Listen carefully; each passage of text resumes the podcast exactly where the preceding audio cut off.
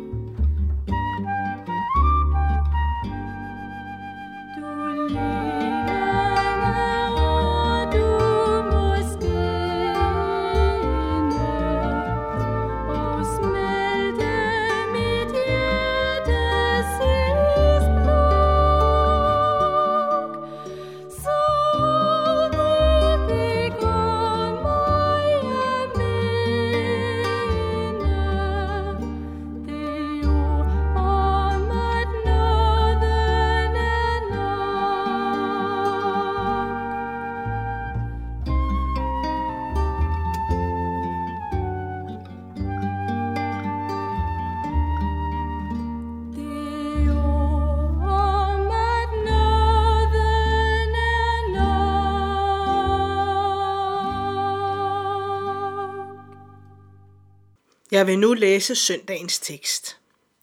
Jesus kom da til en by i Samaria, der hedder Sykra, i nærheden af det stykke jord, Jakob gav sin søn Josef.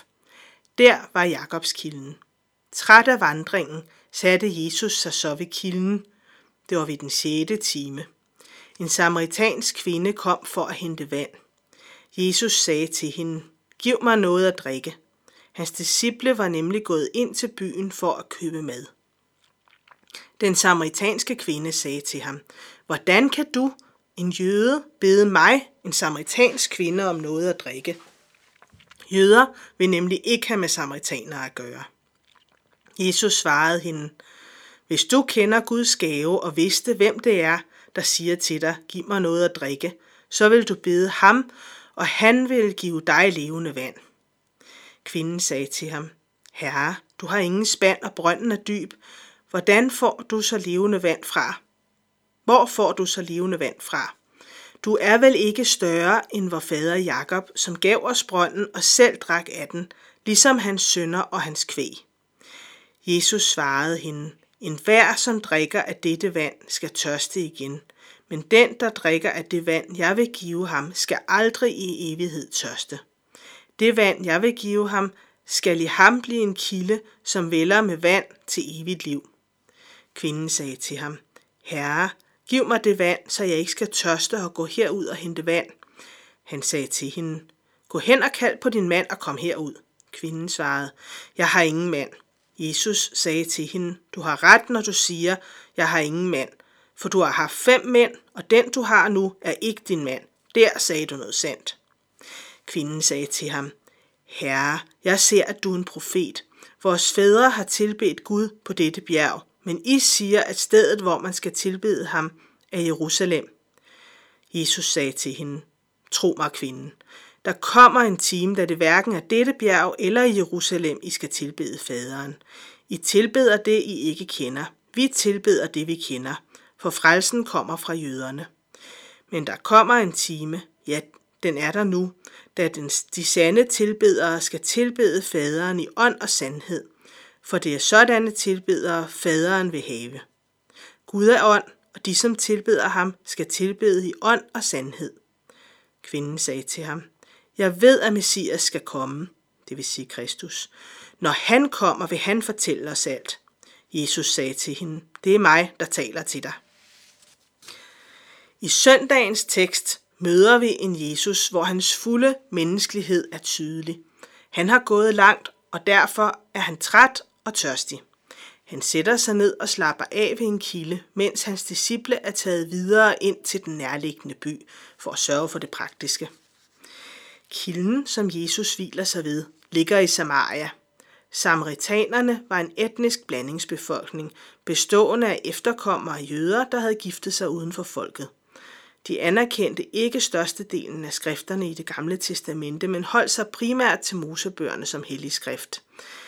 Der herskede mistro imellem samaritanerne og, jød- og jøderne så ned på dem, som vi også hører i dagens tekst.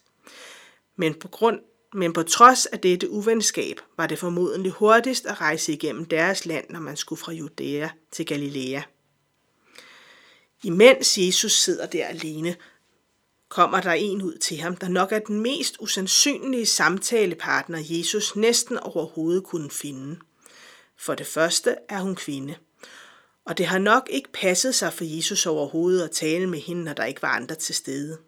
For det andet undgik jøderne gerne helt at tale med samaritanere, hvis de overhovedet kunne komme til det.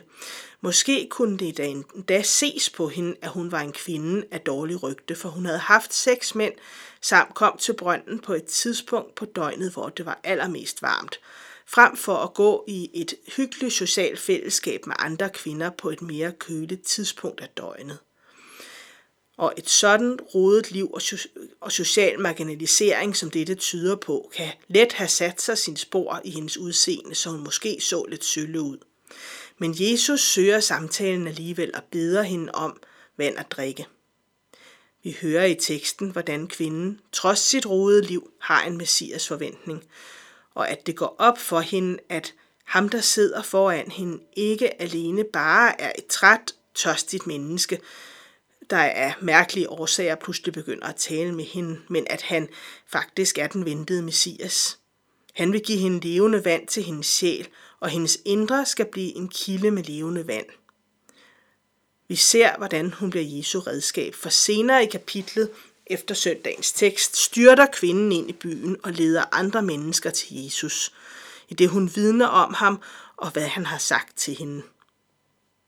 Hendes historie er stadig med til at pege på Jesus og hans villighed til at være sammen med mennesker, der ikke har levet et perfekt liv, og at de kan bruges til noget af ham, selvom de måske selv kan føle sig noget marginaliseret. Jeg kender en kvinde, der voksede op i en kristen familie, men som vendte sig bort fra kristendommen i mange år, da hun blev voksen. Hun levede et liv med seksuelle synder, og da hun blev kristen igen, boede hun sammen med en ikke-kristen mand, der ikke ville giftes, og de havde et barn sammen. Og derfor følte hun ikke, at hun kunne gå fra ham, selvom at de ikke kunne blive gift. Hun forsøgte at søge ind i en menighed, men hun blev mødt med kirketugt og måtte ikke gå til nadver der. Og så var det bare for skamfuldt at komme, følte hun. Flere år levede hun som kristen uden at have særlig meget med andre kristne at gøre, i det hun mest lyttede til gudstjenester på nettet, fordi hun følte, hun var for anderledes end dem, og ikke kunne se dem i øjnene eller have fællesskab med dem.